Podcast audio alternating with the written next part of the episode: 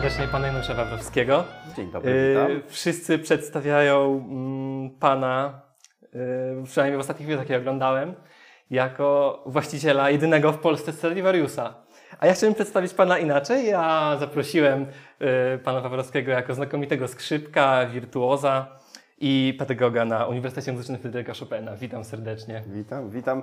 Tylko sprostuję, że nie jestem właścicielem, a posiadaczem, można tak Racja, powiedzieć. racja. Język prawny mówi, że y, posiadaczem jest ten, kto może użytkować. Także.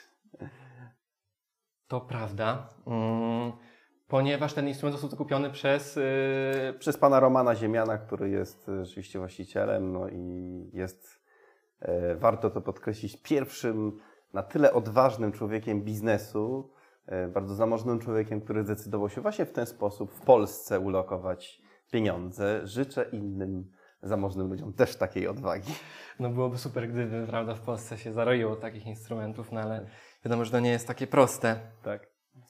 E, mm, chciałbym zacząć może od początku. Oczywiście ja troszkę słuchałem o, e, w różnych Pana wypowiedziach o tych początkach, ale właśnie interesują mnie one e, trochę też dlatego, że ja miałem właśnie, ja miałem, w podobnym wieku zacząłem jak Pan, ale właśnie e, skrzypce nie były moim marzeniem. Czy może Pan powiedzieć właśnie o tych swoich pierwszych, o tych swoich pierwszych dniach edukacji, że tak powiem, pierwszych, jak to było, że w ogóle wybrał Pan skrzypce? No, właśnie y, dość chyba to jest rzadki przypadek, tak jak rozmawia się z wieloma, z wieloma muzykami, że to rzeczywiście od kiedy po prostu pamiętam, to chciałem grać na skrzypcach. Trudno powiedzieć skąd to się wzięło. Ponoć, y, ponoć właśnie mając 3 lata stanąłem na środku, y, stanąłem na środku mm, pokoju i powiedziałem mamie, będę skrzypkiem, będę skrzypkiem. Także gdzieś tam ta wola była. Pono- Ponoć bardzo się interesowałem muzyką ludową. To było coś, co, co, co mnie bardzo przyciąga. Zresztą pamiętam gdzieś tam w takich mglistych wspomnieniach, że właśnie dużo tej muzyki ludowej leciało w telewizji w tych latach 80., e, kiedy ja się wychowywałem, byłem malutkim chłopcem. E, No i również warto podkreślić, że było też bardzo dużo nagrań muzyki klasycznej wtedy w telewizji. I ona nie leciała tylko o godzinie 24 czy pierwszej w nocy, No ale normalnie po południu, w dzień, także ja jako na przykład jestem takim przykładem właśnie dziecka, które, które po prostu gdzieś tam dzięki tej telewizji publicznej, która wtedy funkcjonowała no, na takich wysokich obrotach, jeśli chodzi o, o- kulturę o wysoką, o sztukę, no przyciągnęła mnie. Oczywiście też w domu była tradycja muzykowania, pomimo tego, że u mnie wszyscy są lekarzami. Yy, Rodzice i też dziadek był, który zresztą zakupił właśnie fortepian, który w domu stał. To też dużo zawsze śpiewaliśmy, rodzice trochę grali, tak tam akompaniowali mi, jak ja, jak ja sobie śpiewałem. I stąd gdzieś to takie zamiłowanie do takiej ogólnie muzyki było. Bardzo lubiłem śpiewać w przedszkolu. No ale rzeczywiście gdzieś tam już od trzeciego roku życia yy, ta idea, że skrzypce to muszą być, była bardzo konkretna. No właśnie, u mnie było tak, że ja marzyłem o graniu na fortepianie, ale jak Tak. poszedłem na, tak, do szkoły muzycznej, do akurat w wieku 7 lat, na drzwi otwarte, prawda, czyli sobie każdego instrumentu mogłem dotknąć, każdy instrument zbadać, posłuchać, Mhm. no to yy, stwierdziłem, że te skrzypce jednak mi się, jednak mi się bardziej chyba podobają, ale taki smutny byłem, bo już od dwóch lat grałem na fortepianie wcześniej, A, okej. ale powiedziano mi, że i tak na, po czterech latach nauki i tak będę musiał obowiązkowo grać na fortepianie, bo każdy, każdy, No gra, tak. każdy instrument jest Tak, na fortepianie tak. również. No i, no i więc powiedziałem, no to jak tak, no to biorę skrzypce i tak się skończy, tak skończyłem. No tak. Ale właśnie wspomniał Pan o tym, że ludzie trochę muzykowali, ale byli lekarzami, o tym też chwilkę wcześniej rozmawialiśmy. Mówię, no dlaczego, z jakiej, z jakiej dlaczego. Tak. Ale y, czy było tak, że, y, czyli, czyli jak zareagowali rodzice, jak już Pan, że tak powiem, może w przyszłości zdecydował już, że na 100% Pan chce być skrzypkiem, Tak. oni nigdy nie mieli żadnych, żadnych innych planów wobec Pana, zawsze zostawiali wol, tą wolność? No, podejrzewam i tak z rozmów naszych wynika, że pewnie trochę tam marzyli, żebym został lekarzem. Szczególnie, że też, też w sumie wykazywałem takie zainteresowanie i uwielbiałem dla mnie chodzenie do gabinetu mamy, który, który przy domu, najpierw był w domu, potem przy domu. Jaka to była specjalizacja? Moja mama jest laryngologiem i foniatrą. Tata dermatologiem. No więc wiadomo, laryngolodzy mają te wszystkie słuchawki, trąbki, tak. strzykawki, nerki i to mnie bardzo, uwielbiałem się po prostu tym bawić w ogóle. Jak już wszystko było zdezynfekowane w, w, w tym w gabinecie, to musiałem pójść, jakieś tam miałem swoje części, którymi się bawiłem. Em, I, I w ogóle została do mnie jakaś tam taka pasja. No nawet teraz, jak już miałem dzieci, się jakieś tam przypadki y, zdarzały, że ktoś sobie coś rozciął czy, czy coś, to ja zawsze z zimną krwią. Dla mnie krew, w ogóle chirurgia, myślę, że spokojnie mógłbym być na przykład chirurgiem, bo dla mnie mm, krew mnie bardziej chyba przeraża w opowieściach niż jak się coś dzieje na żywo, to ja wtedy zachowuję zimną krew, mogę wszystko robić. No ale jednak, jednak z tym wszystkim wygrały skrzypce. Jednak zawsze te skrzypce były na takim pierwszym miejscu.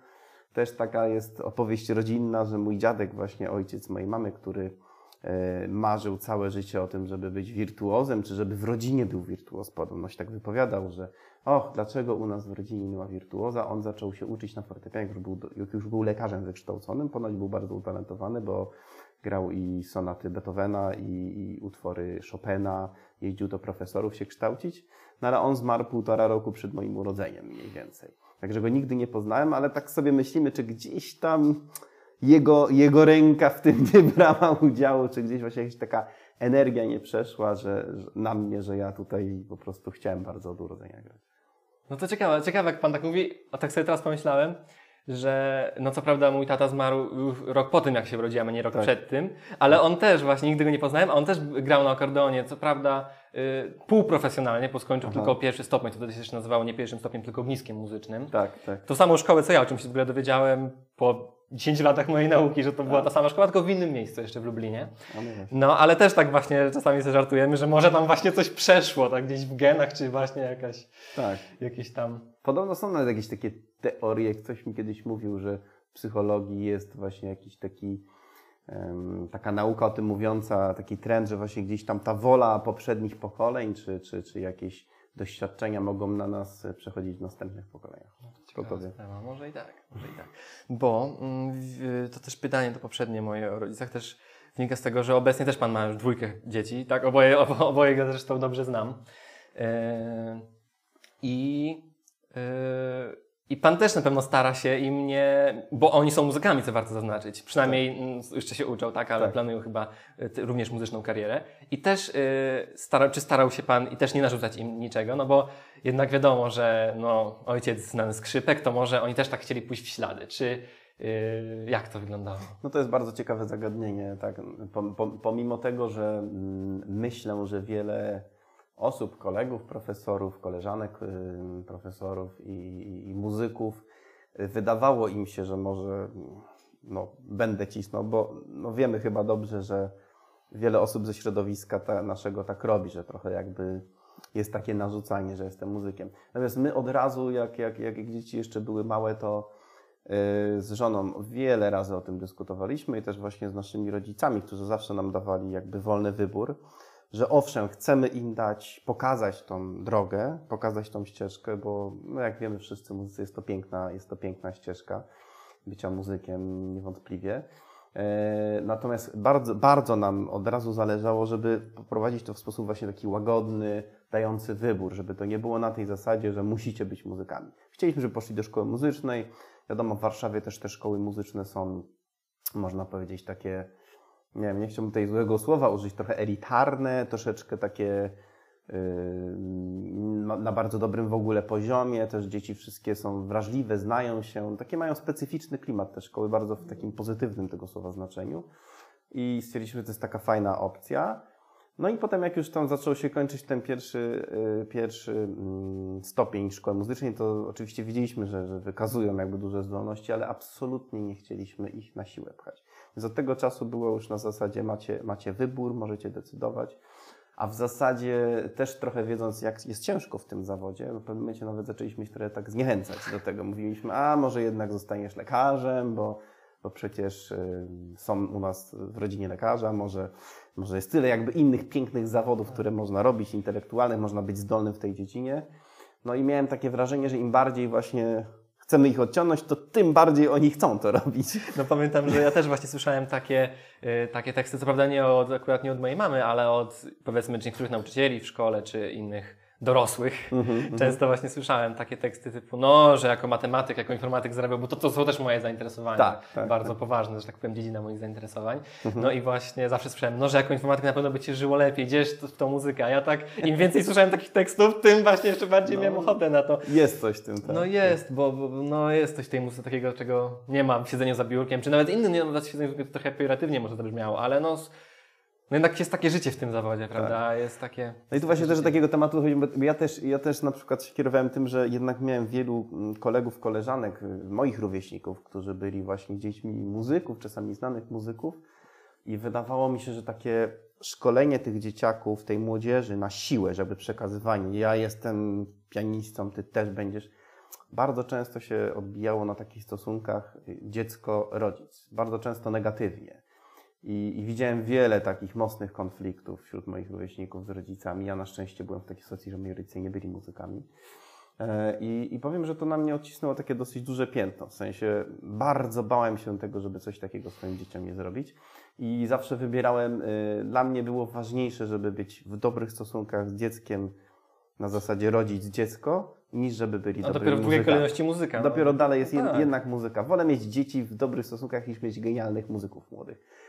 No teraz patrzę już z perspektywy, mówię, bo, że było tak, no bo moje dzieci już są duże. Moja córka już poszła na studia, e, zdała na dwie uczelnie i w Polsce i za granicą.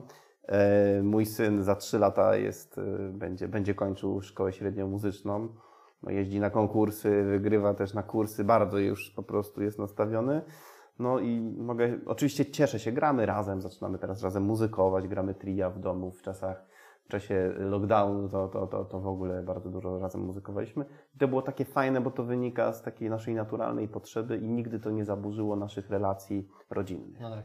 Właśnie coś, co mnie fascynuje, mm, y, że no tak sam Pan powiedział, że córka już na, stu, córka już na studiach, Julka. E, No i nie trudno policzyć, że dość młodo został Pan ojcem. Tak. I właśnie bardzo, bardzo mnie zastanawia to, jak udawało się Panu łączyć te pasje. No wtedy to już praktycznie w sumie nie była pasja, prawda? Tylko już to był poważny zawód już w tamtym momencie Pana życia. Tak. I właśnie jak udawało się Panu łączyć ten zajmujący zawód właśnie z wychowaniem dzieci? To musiało być piekielnie trudne, jak sobie to wyobrażam. Myślę, że tak przede wszystkim oczywiście wspaniała żona, która, która, która zawsze, znaczy zawsze siebie wspieraliśmy nawzajem, bo ja też nigdy nie, nie chciałem tak, żeby, ja już oczywiście koncertowałem dość sporo, ale za- zawsze też jakby dawaliśmy sobie nawzajem przestrzeń, żeby, żeby dużo też zawodowo móc robić.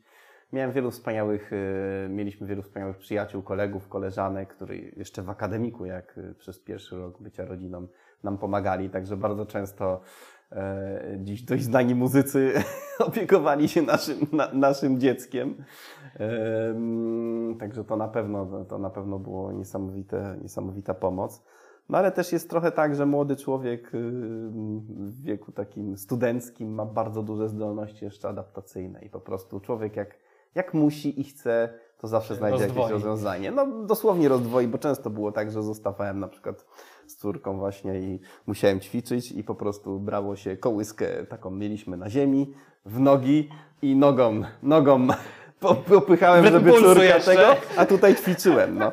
I Dobra. potem już doszło do tego, że nawet, nawet było, y, było tak, że jak przestawałem ćwiczyć, to, to młoda się budziła i zaczynała płakać. Także jakby wręcz zmuszała mnie do tego, żebym To, ćwiczył. mo- to może wsiągła tak ta muzyka w nią i dlatego teraz ta. Dosłownie spała przy muzyce, jak przestawałem, to tylko szedłem kawę zrobić czy coś, to od razu eee, więc trzeba było szybko wracać ćwiczyć. No i no takie były różne, różne akcje. Też, też trzeba wziąć pod uwagę też takie małe dziecko. Często się w internecie mówi, to musi, tamto musi, tamto musi, ale teraz no w sumie wszyscy mądrzy dochodzą do tego, że tak naprawdę najważniejsza jest ta miłość, ta bliskość. Myślę, że takie dziecko nawet, które miało takie różne doświadczenia, właśnie tutaj ojciec nad głową grał tego, ale jednak to bycie razem, to, że byliśmy właśnie dość sporo mm, wspólnie w domu razem, to też jednak daje chyba taki, taką, taką bazę psychologiczną dobrą dla dziecka. Tak mi się wydaje. Bo właśnie wielu teraz, tak to moje pytanie też wynika z tego, że widzę po moich znajomych często, że wielu młodych ludzi, no jak już mają powiedzmy te swoje, znale- zna- znaleźli swoje drugie połówki, no to i tak bardzo często boją się wcześniej zakładać rodziny, no bo właśnie, czy nie pogodzą to z karierą. No ja jednak znam wielu muzyków, tak, więc jakby Tak. mogę z tej perspektywy, że czy nie uda się tego pogodzić z karierą, czy z czymś, no a pańska rodzina jest żywym przykładem, że się jakoś tam da pogodzić. Da się, da się. To jest, jest trudne. Oczywiście ja, ja jestem zawsze takim, w- takim wypośrodkowaniu. Ja w ogóle staram się we wszystkim i i w polityce, i w podejściu do życia być zawsze gdzieś tam w środku złotym. Oczywiście nie będę nikogo namawiał, zakładajcie jak najszybciej rodziny, ale też uważam rzeczywiście ten trend takiego bardzo długiego czekania i że aż będziemy już bogaci, będzie dwa samochody, dom, zasadzone drzewo, duże. Nie wiem, wydaje mi się, że to nie jest do końca też najlepsze, że jakby gdzieś tam trzeba znajdować złoty środek i jednak też y, już tak z czysto takiego biologicznego punktu widzenia, jednak wydaje mi się, że młodzi ludzie sobie dużo łatwiej radzą z takimi wyzwaniami posiadania dzieci niż starsi. Oczywiście no jest to też dzisiaj ciężki czas, ciężki czas w naszej cywilizacji. Też niełatwo jest mieć też dzieci, w sensie takim, że są też duże takie stawiane wymagania społeczne. Nawet wydaje mi się, że to się bardzo zmieniło w ciągu ostatnich 15-20 lat, że, że to już jest inaczej w tej chwili. Ale też nie, nie, no nie trzeba dać się zwariować i też posiadanie rodziny, posiadanie dzieci jest czymś najbardziej naturalnym dla człowieka. To jest coś, do czego człowiek jest stworzony i myślę, że każdy sobie z tym, raczej większość z nas sobie z tym dobrze poradzi. Fajnie, fajnie słyszeć takie słowa.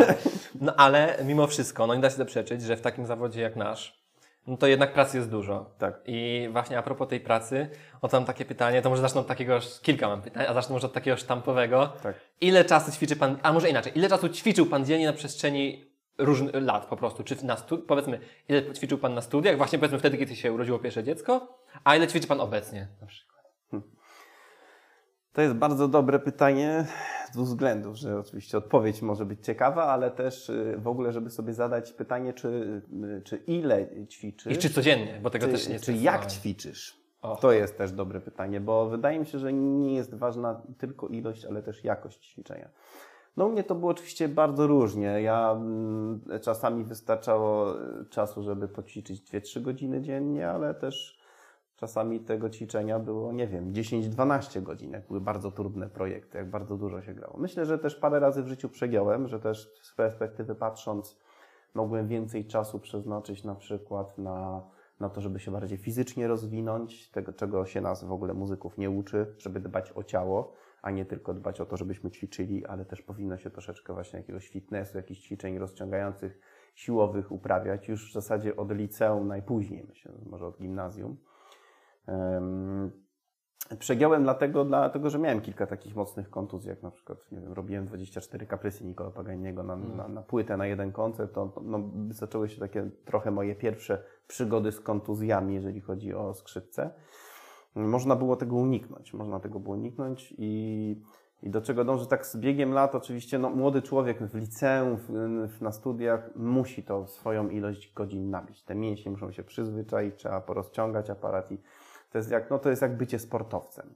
Natomiast wydaje mi się, że też kluczowe jest to, żeby nauczyć się swojego ciała, nauczyć się tego, że mm, czasami lepiej jest może dłużej się wyspać, może poświęcić ten czas na jakiś relaks, nawet jakiś taki, nie wiem, mentalny, psychologiczny, może trochę się porozciągać, trochę dla swojego ciała coś zrobić, przejść się na spacer, poćwiczyć tą godzinę, dwie krócej. I naprawdę jak poćwiczymy, nie wiem, 4 godziny zamiast 6 na siłę, że będę zmęczony po nieprzespanej nocy, to naprawdę nie ma sensu. Ale to, ale to jest bardzo trudna sztuka. To trzeba też dużo doświadczenia, wielu lat koncertowania, robienia repertuaru trudnego, żeby się naprawdę nauczyć tego. Każdy trochę jest też inny. Jak to u mnie działa? Co u mnie działa? W jaki sposób muszę podejść? Oczywiście, że też trzeba uważać, żeby w lenistwo nie popaść. Właśnie, tak, no że, to- no to ja się teraz wyśpię cały dzień nie? i sobie Netflixa włączę, będę oglądał. Nie, nie, no to nie o to chodzi. Chodzi o to, żeby też wiedzieć, w jaki sposób się dobrze wypoczywa, tak? Bo też wypoczynek, a wypoczynek to jest, można zupełnie niekonstruktywnie wypoczywać, ale, ale naprawdę mm, artysta, muzyk powinien umieć wypoczywać fizycznie, a też czasami trochę takiego nic nie robienia jest bardzo twórcze. Zapewne wszyscy o tym dobrze wiemy. I dla kompozytorów, i dla muzyków. Czasami jak mam jakiś taki przymusowy odpoczynek, kilka dni nie mogę grać na skrzypcach, nie mogę się zajmować muzyką, potem wracam, to naprawdę dużo jest tyle pomysłów, Aha. że nagle się okazuje, że ja w jeden, dwa dni robię obiektywnie dużo więcej, niż bym robił przez te pięć dni. I jeżeli chodzi o wyćwiczenie, też tak już techniczne, ale też o pomysły, idee muzyczne, że po prostu to powoduje, że wow, tutaj tego. Naprawdę nie, nie zapominajmy też, muzycy nie powinni zapominać, że są też twórcami w pewnym sensie.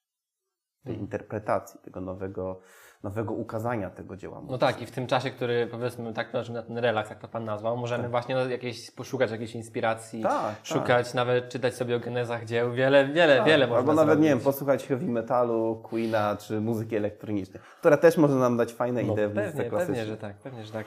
No to powiedzmy, że, y, y, że tak już konkretyzując, no to powiedzmy, że ile na przykład trwało Pana przygotowanie do jednego koncertu, bo strzelam, że no ja wiem to jako skrzypek, może nie wszyscy słuchacze będą wiedzieć, że no raczej jak już się powiedzmy jeden koncert dany wyćwiczy, no to następnie odświeżenie go nie zajmuje już tak wiele, prawda? Tak, tak. No ale powiedzmy, że jak jeszcze Pan na przykład premierował utwory, albo powiedzmy, że to było trzecie, czwarte wykonanie, to ile trwało takie przygotowanie, żeby taki koncert móc wykonać? No, żeby, żeby coś naprawdę pierwszy raz dobrze wykonać, jak już jest na takim etapie technicznym jak, jak ja, czyli już zagrałem wszystkie 24 kaprysy, już grałem pewnie wszystkie naj, dużo najtrudniejszych rzeczy na skrzypcach, no ale jednak, żeby dobrze nowy, nowe dzieło, nowy koncert, który d- 20-30 minut trwa, no trzeba te 2-3 miesiące poćwiczyć, tak? Ja tu nie mówię, że non-stop. W ogóle to według mnie jest źle ćwiczyć non-stop jeden utwór. Ja widzę u siebie na przykład yy, na tym etapie, na którym jestem, że dobrze jest kilka miesięcy wcześniej już coś zacząć, rozczytać, odłożyć to na chwilę. To się gdzieś tam w naszych trybikach układa, wracać do tego, tak? Ale gdzieś tak bezpiecznie ja się czuję, jak, jak mi się uda kilka miesięcy wcześniej coś, coś zacząć.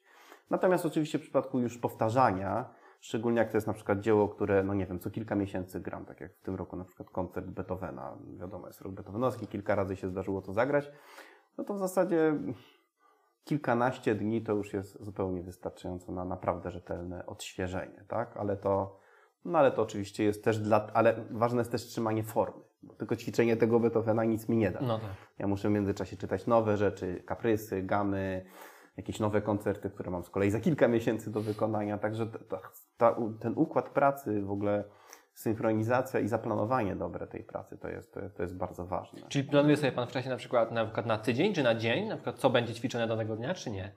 Bo pewnie różni ludzie mają Eee, pewnie różne taktyki, a jak, jak Pan Ogólnie nawet tygodnie do przodu, tak? Ale co do godziny? Nie, nie, nie, oczywiście. Że Nie, bardziej, tak, że tego, nie. w tym tygodniu ćwiczę to, to tak, i to, tak? najpierw, sobie, najpierw sobie układam w głowie, że tam, nie wiem, no teraz powiedzmy, list, y, teraz za, za tydzień gram Beethovena, ale w listopadzie już gram Weinberga i, i Pendereckiego, a w grudniu coś tam. No to sobie już tam w głowie gdzieś te nuty szykuję, przygotowuję, zaglądam.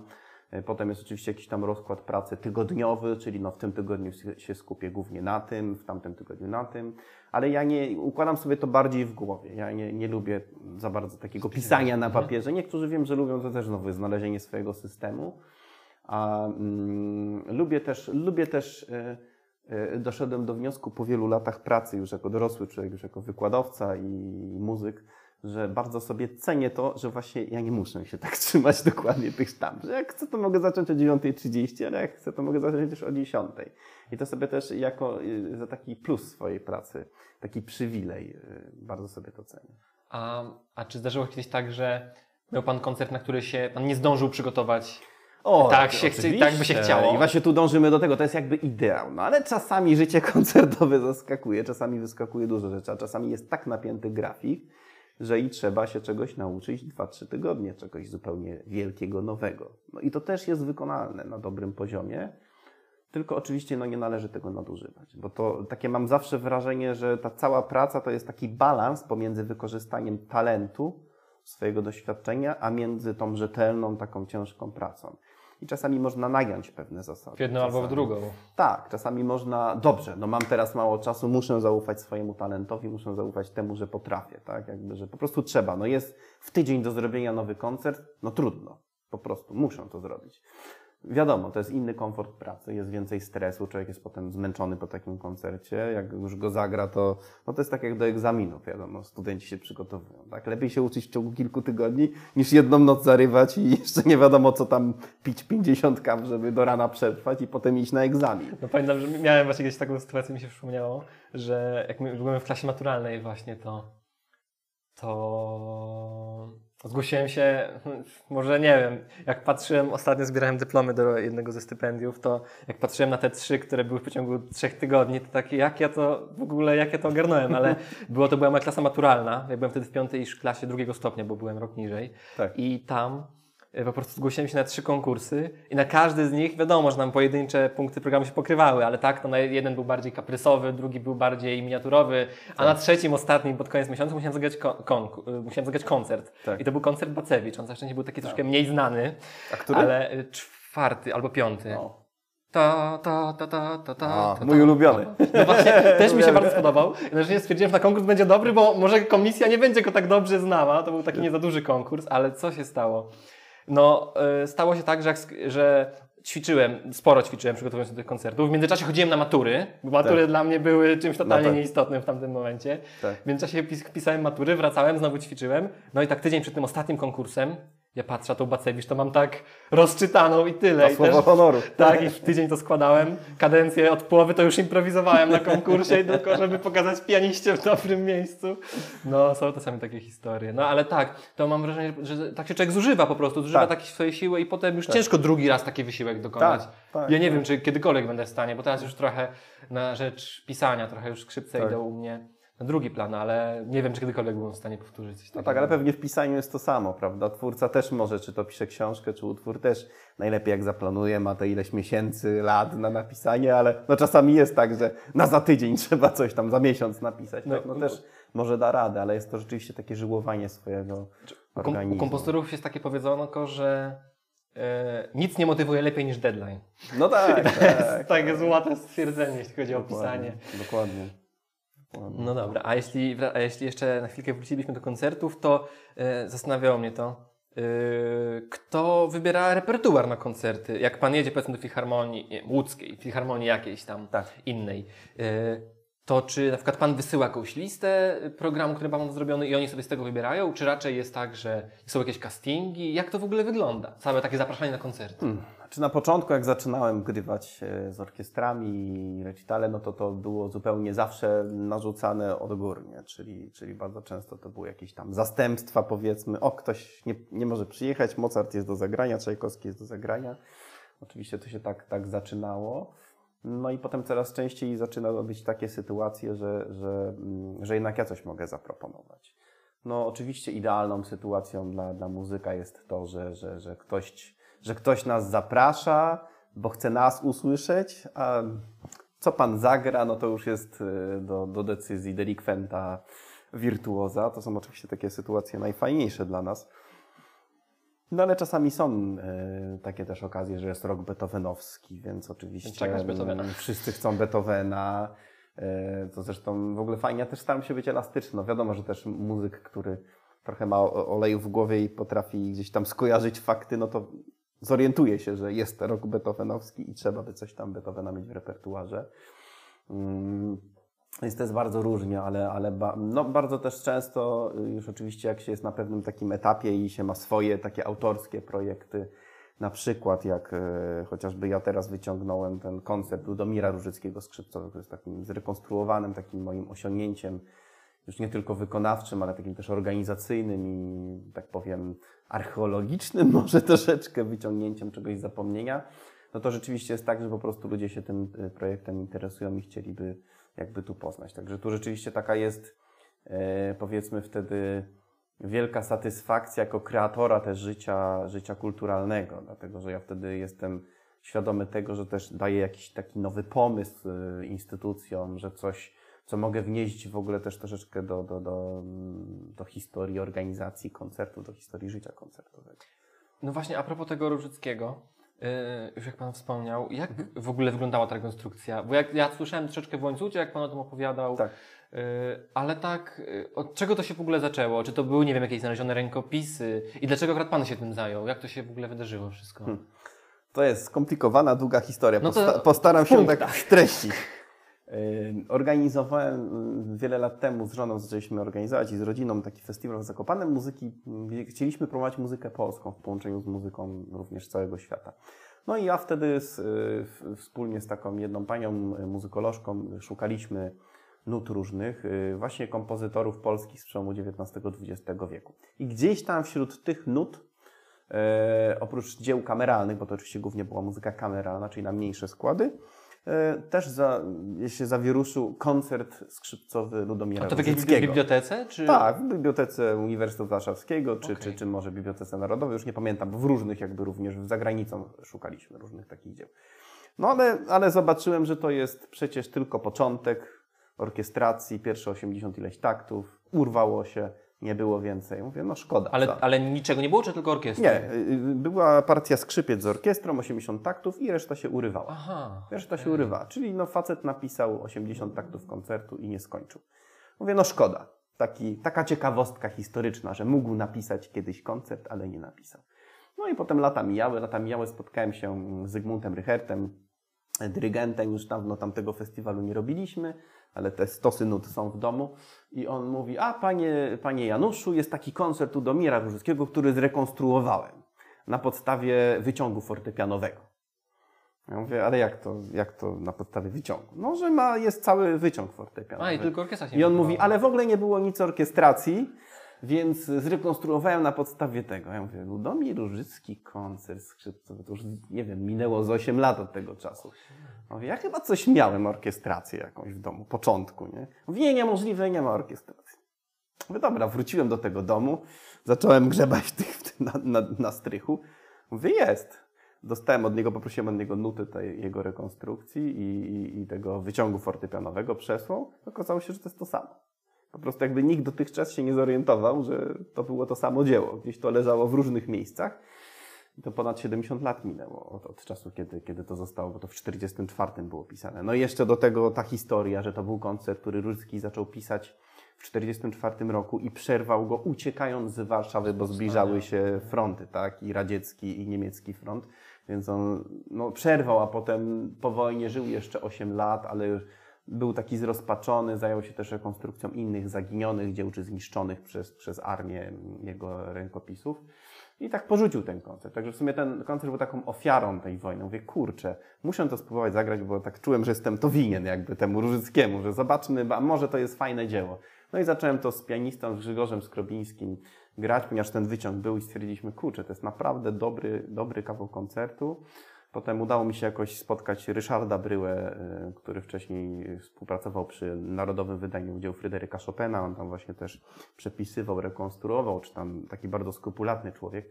No i on zajął się tą właśnie warstwą orkiestry, żeby to na podstawie tego poznał wszystkie inne partytury Różyckiego, żeby to jak najbardziej było wierne z tym, co on tworzył.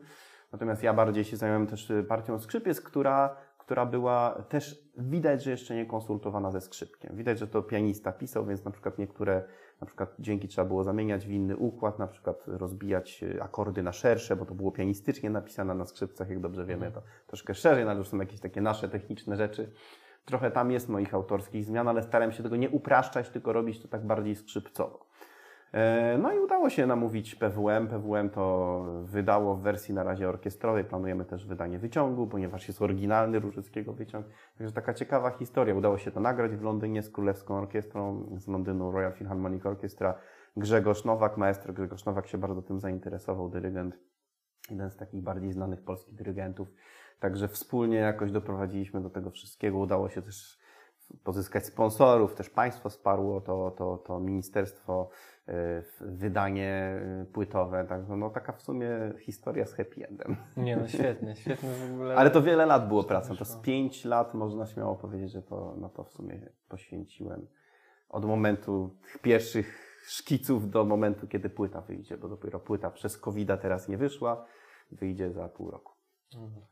No właśnie, już Pan wspomniał o tym nieszczęsnym COVID-zie i właśnie pytanie mam takie, jak to, że tak powiem, zmieniło takie życie, ale koncertowe w sensie? Jak to zmieniło po prostu, czy, czy wyjazdów jest mniej, czy, czy są, może czy już zaczynają się koncerty odbywać, jak to w ogóle teraz wygląda w Polsce i za granicą? No bardzo zmieniło, bardzo zmieniło przede wszystkim wydaje mi się trochę tak zamyka rynki narodowo. Że swoich zapraszają. Swoich bardziej, tak, no bo trochę każdy się teraz boi organizator trochę. E, Poza tym też no jest łatwiej planować nawet na, na, na krótki okres coś. No i tak te podróże się troszkę zawężają w krajach. Poza tym no, jest cały czas groźba tego, że właśnie jakiś artysta nie dojedzie, że nagle tutaj ten kraj nie wpuszcza tego kraju, bo to co chwilę są te regulacje. E, I to jest oczywiście dość przykre, dlatego że jak wiemy, muzycy bardzo, szczególnie w klasyce, mam wrażenie, się bardzo mieszają międzynarodowo. E, ta muzyka jest bardzo uniwersalna, tak? My, my się rozumiemy bez słów. Może się spotkać człowiek z Argentyny, z, z Koreańczykiem i z, i, i z Europejczykiem, siadają, grają i to, i to jest po prostu, to tutaj żyje. Więc to jest dla mnie troszkę przykre pod tym względem, że trudniej te międzynarodowe kontakty teraz jest utrzymywać. No w ogóle jest wiadomo, mniej, y, mniej wydarzeń, mniej publiczności przychodzi. To jest trochę takie smutne, jak się idzie, gra koncert, jest jedna czwarta sali, tak? Jak Jeszcze... się gra w takiej sali? Gorzej? Rzeczywiście gorzej jest się skupić? Mniejsza jest ta motywacja? Nie sądzę. Dla mnie to nie ma znaczenia. Ja, ja nie, nie czuję, żeby to było dla mnie mniejszą motywacją. Wręcz cieszę się też, że ludzie pomimo ciężkich czasów, pomimo tego, że wiele osób się boi tego wszystkiego, przychodzą, mają odwagę przyjść na ten koncert, że ta sztuka jednak jest czymś tak potrzebnym. No bo czym żebyśmy byli siedząc w domu tylko i bojąc się, czy nie zachorujemy. Jednak człowiek jest człowiekiem, to nie może być wegetacja, musimy starać się żyć normalnie, pomimo tej pandemii. I ja sam sobie nie wyobrażam żyć bez pewnych rzeczy. Oczywiście też, też ten cały lockdown był, trzeba też takie wziąć mm, pozytywne rzeczy pod uwagę, czyli to, że Y, ja to czułem i też wielu innych muzyków, że też w sumie był taki trochę oddech wreszcie, że można było posiedzieć w domu z rodziną, że nie było tych koncertów na początku w ogóle, więc to był taki też moment, żeby się tak zatrzymać. Ja na przykład sobie zdałem z tego sprawę, że mm, mam nadzieję, że będę w stanie planować w przyszłości też takie okresy, kiedy właśnie będę mógł sobie pozwolić na to, żeby, żeby usiąść. Na mnie to na przykład bardzo wpłynęło pozytywnie y, na ten aspekt, o którym już mówiliśmy, czyli tego wypoczynku, nabrania nowej energii twórczej, no jak wróciłem na pierwsze koncerty, to było po prostu wow. Dla mnie to było, bałem się na przykład, że się będę bał, że, że wyjdę na scenę i będę miał większą tremę niż normalnie. Wręcz przeciwnie. Mój było pierwszy lepiej. koncert to w ogóle był y, zero tremy. Po prostu no. tylko taka pozytywna energia, że w końcu jest ten koncert. To ile przerwy było całkowicie od koncertowania przed ludźmi? No od marca do lipca. Od marca Pół do roku lipca. prawie. Tak. No, no, no kilka 4, miesięcy. 4, miesięcy. A był koncert mój pierwszy po lockdownie trudny, bo prowadziłem cały koncert z orkiestrą bez dyrygenta. Graliśmy cztery pory roku. Mhm.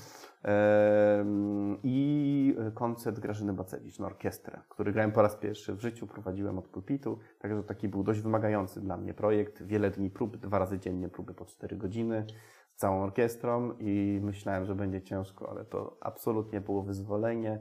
To było zaraz po tym, jak się zaczęły koncerty, 4 lipca to był, czyli to było w zasadzie pierwsze dni. I też czułem, że publiczność była tak spragniona, tak, tak się cieszyli, że tam w ogóle są, że to było coś niesamowitego. A yy, wleciało mi z głowy teraz jeszcze o to chciałem spytać, właśnie jeszcze a propos wirusa, mhm. że no, nie przypomnę sobie. A miałem przed sekundą jeszcze pytanie w głowie. A, że no właśnie, chciałem spytać o to, mm, jak, dla, mm, jak pan reaguje na takie koncerty różne, które są tylko w sieci, że na przykład są te transmisje. Yy, czy oglądał pan, o inaczej, czy oglądał pan może takie transmisje z takich koncertów, które się odbywały na żywo, ale nie z publicznością, a jedynie w sieci? Powiem tak. Uważam, że nic nie zastąpi koncertu na żywo. Kwestia, jak ten koncert jest zorganizowany i gdzie go słuchamy. Ponieważ, no, niestety, chociaż sam robiłem takie akcje, bo też myślę, że to też był rodzaj terapii dla mnie, żeby coś cały czas e, robić, jakby, żeby być jednak w jakiejś takiej formie artystycznej, ale sobie zdaję też sprawę z ułomności technologicznej tego. To znaczy, no, że większość jednak takich rzeczy organizowanych tak o sobie w domu jest, y, ma dosyć wątpliwą wartość artystyczną. E, jakościową. Jednak ten dźwięk, szczególnie jeśli chodzi o muzykę, to e, jeżeli chodzi o muzykę, to jest, to jest bardzo wątpliwa sprawa. No chyba, że robią to, że robi to na przykład Filharmonia Berlińska, która ma no, skonstruowaną świetną salę do tego, ma świetny sprzęt, genialny internet, operatorów i, i rzeczywiście włączamy sobie ten koncert na bardzo dobrym sprzęcie w domu, na dużych głośnikach, monitorach dźwiękowych, tak? Ja wiem, że słucham to, tego w dobrej jakości, bo tu mi chodzi o technologię, nie chodzi o jakość, o jakość brzmienia, ale pamiętajmy, że muzyka mm, klasyczna musi być grana w odpowiednim wnętrzu. Grana w pokoju, w pomieszczeniu takim jak to, no to nie jest to, to nie jest ten wyraz artystyczny. Także ta sala musi być, a kogo stać z muzyków czy, czy pojedynczych, żeby na przykład sobie stanąć w wielkiej sali i grać, wiadomo, to jest niemożliwe. Plus oczywiście potem ten cały przekaz, to nagranie, jakość nagrania Także tak, jakby jak jest możliwość y, właśnie robienia tego na najwyższym poziomie, jeśli chodzi o sprzęt i, i, i pomieszczenie, to fajna idea, ale nawet wtedy, no jednak posłuchanie koncertu na żywo to jest posłuchanie koncertu na żywo i też y, mm, sama, sama kultura nagrywania płyty, bo oczywiście ja nie jestem przeciwny na, nagraniom w ogóle słuchania, też jest inna, bo nagranie nagrywane studyjnie też ma inne, rządzi się innymi prawami. Jakby trochę inaczej się nagrywa płytę, a troszeczkę inaczej się gra koncert. To też ma e, swoje plusy i minusy i też fajne są nagrania, fajne jest porównywanie. Ja w ogóle uwielbiam nagrywać, uwielbiam wchodzić do studia i nagrywać. To jest w ogóle ciekawy proces, który zupełnie jest inny niż, Niż granie niż, koncertu. niż granie No to- koncertu. Totalnie, tak. I też lubię to porównanie, że posłucham kogoś na żywo, a posłucham kogoś na, Na nagraniu. płycie, tak, i całkiem dwa różne oblicza. Czasami są dwa różne oblicza, nie, nie, niekoniecznie, że coś jest gorsze, coś jest lepsze, ale po prostu inaczej. To Mhm. też jest w ogóle ciekawe zjawisko. No, no właśnie, mam podobne odczucia, że te koncerty jednak w sieci nie zastąpią tych, tych na żywo. Też właśnie słuchałem Berlińczyków zaraz, to było akurat w pierwszych dniach po, po początku lockdownu, Tak. a grali, co było zabawne, grali y, koncert na orkiestrę Bartoka, A, a my go graliśmy z orkiestrą dosłownie dwa tygodnie wcześniej. To było tuż przed lockdownem, zagraliśmy Tak. orkiestrą koncert, no i już jakieś dwa tygodnie później był lockdown, no i, i wtedy właśnie Berlińczycy grali ten. No i, no i to było świetne, mimo tego, że ja powiedzmy Tak. nie mam jakiegoś audiofilskiego sprzętu, no to, no to jednak są patrzenia, te zbliżenia na to, no to, to Tak, jest całkiem tak, inny poziom, tak. no ale to są niesamowite pieniądze. Im się to nie zwróciło na pewno. tak. Szczególnie, że ten koncert to był taki, że oni za darmo. O ile tam jest subskrypcja i trzeba płacić, no ten jeden był za darmo jako taki gest solidarności. Tak, Tak, tak, tak było. było No tak. więc, Tam normalnie trzeba płacić do- dość duże pieniądze No. za abonament. Taki, tak. no właśnie. No to może, może już troszkę skończymy o tych koncertach, Tak. a mam znowu pytanie o, o skrzypce, ale nie konkretnie może o te Stradivariusy, Mhm. ale ogółem, mm, co Pan najbardziej, czy o Stradivariusy też, ale co Pan najbardziej ceni w skrzypcach jako, jako po prostu w instrumencie muzycznym? W sensie, dlaczego, co się Panu podoba w skrzypcach? E. W skrzypcach podoba mi się, e, myślę, że coś, za co ludzie też kochają skrzypce, to jest jednak ten dźwięk. Dźwięk, specyficzny dźwięk. Chodzi mi o barwę dźwięku, o coś, co z jednej strony jest instrumentalne, ale z drugiej strony jest bardzo też zbliżone do, do głosu ludzkiego. Że skrzypce mają w sobie coś, coś e, z głosu ludzkiego. I tutaj em, też może potwierdzeniem tych słów może być to, e, że słyszałem o tym, że mm, Antonio Stradivari właśnie konstruując swoje, swoje skrzypce bardzo wzorował się dla niego wzorem takim niedoścignionym było naśladowanie niskiego głosu żeńskiego, mezzosopranu altu. To był dla niego ideał, żeby osiągnąć na skrzypcach. E, czyli jednak gdzieś ta też idea tego głosu ludzkiego była, była u niego, u niego w głowie. Em, Myślę, że skrzypce, pomimo tego, że nie są tak potężnym instrumentem jak, jak, em, jak fortepian, czy jak organy na przykład, tak? czy w ogóle jak cała orkiestra symfoniczna, to jest jakby dla mnie też takim jednym ciałem, aparatem wykonawczym, to jednak mają w sobie też ten wątek wirtuozowski oczywiście, za który też, też wiele osób, myślę, kocha skrzypce, ale przede wszystkim ta jakość dźwięku, ta plastyczność dźwięku, a też, a też troszeczkę właśnie to oplatanie się wokół harmonii, ta, ta, ta jego biegłość powoduje, że jednak czasami pewne rzeczy polifoniczne też uda się wykonać, że tych głosów jednak może być więcej. I to jest takie satysfakcjonujące, jak takie się... satysfakcjonujące. gra takie rzeczy, tak, to jest tak. coś takiego pomiędzy tymi instrumentami e, dętymi, czy pomiędzy głosem ludzkim, a pomiędzy tymi takimi jak właśnie fortepian, organy, czy nawet gitara, która może być bardzo wielogłosowa. Coś taki, taki pewien kompromis. No. Ale, ale myślę, że ta taka pewna, taka naturalność skrzyp jest to, że one właśnie mogą trochę tego, trochę tego, tak oplatają, y, są takim naturalnym, brzmiącym instrumentem, to jest, jest coś niesamowitego. A w muzyce współczesnej nie zawsze są naturalnie brzmiące. No oczywiście. A, a, a mimo to wykonuje Pan sporo muzyki Tak. współczesnej. No tu docieramy tak też do takich nowoczesnych technik, do tego, że skrzypce okazały się w XX wieku szczególnie, e, okazało się, że można jeszcze dużo innych ciekawych brzmień wydobyć i rzeczywiście mogą być bardzo, bardzo plastycznym też instrumentem, tak jak się stosuje e, nawet w muzyce jazzowej w ogóle, na przykład jazzowi skrzypkowie mają też jeszcze inne ciekawe techniki, których w sumie nawet my często w muzyce współczesnej nie wykorzystujemy. Także to, to rzeczywiście, oczywiście możliwość jeszcze nagłośnienia, podłączenia do prądu, to, że jeszcze wtedy można jakieś dodatkowe efekty wydobywać, to jest też bardzo ciekawe. Mm.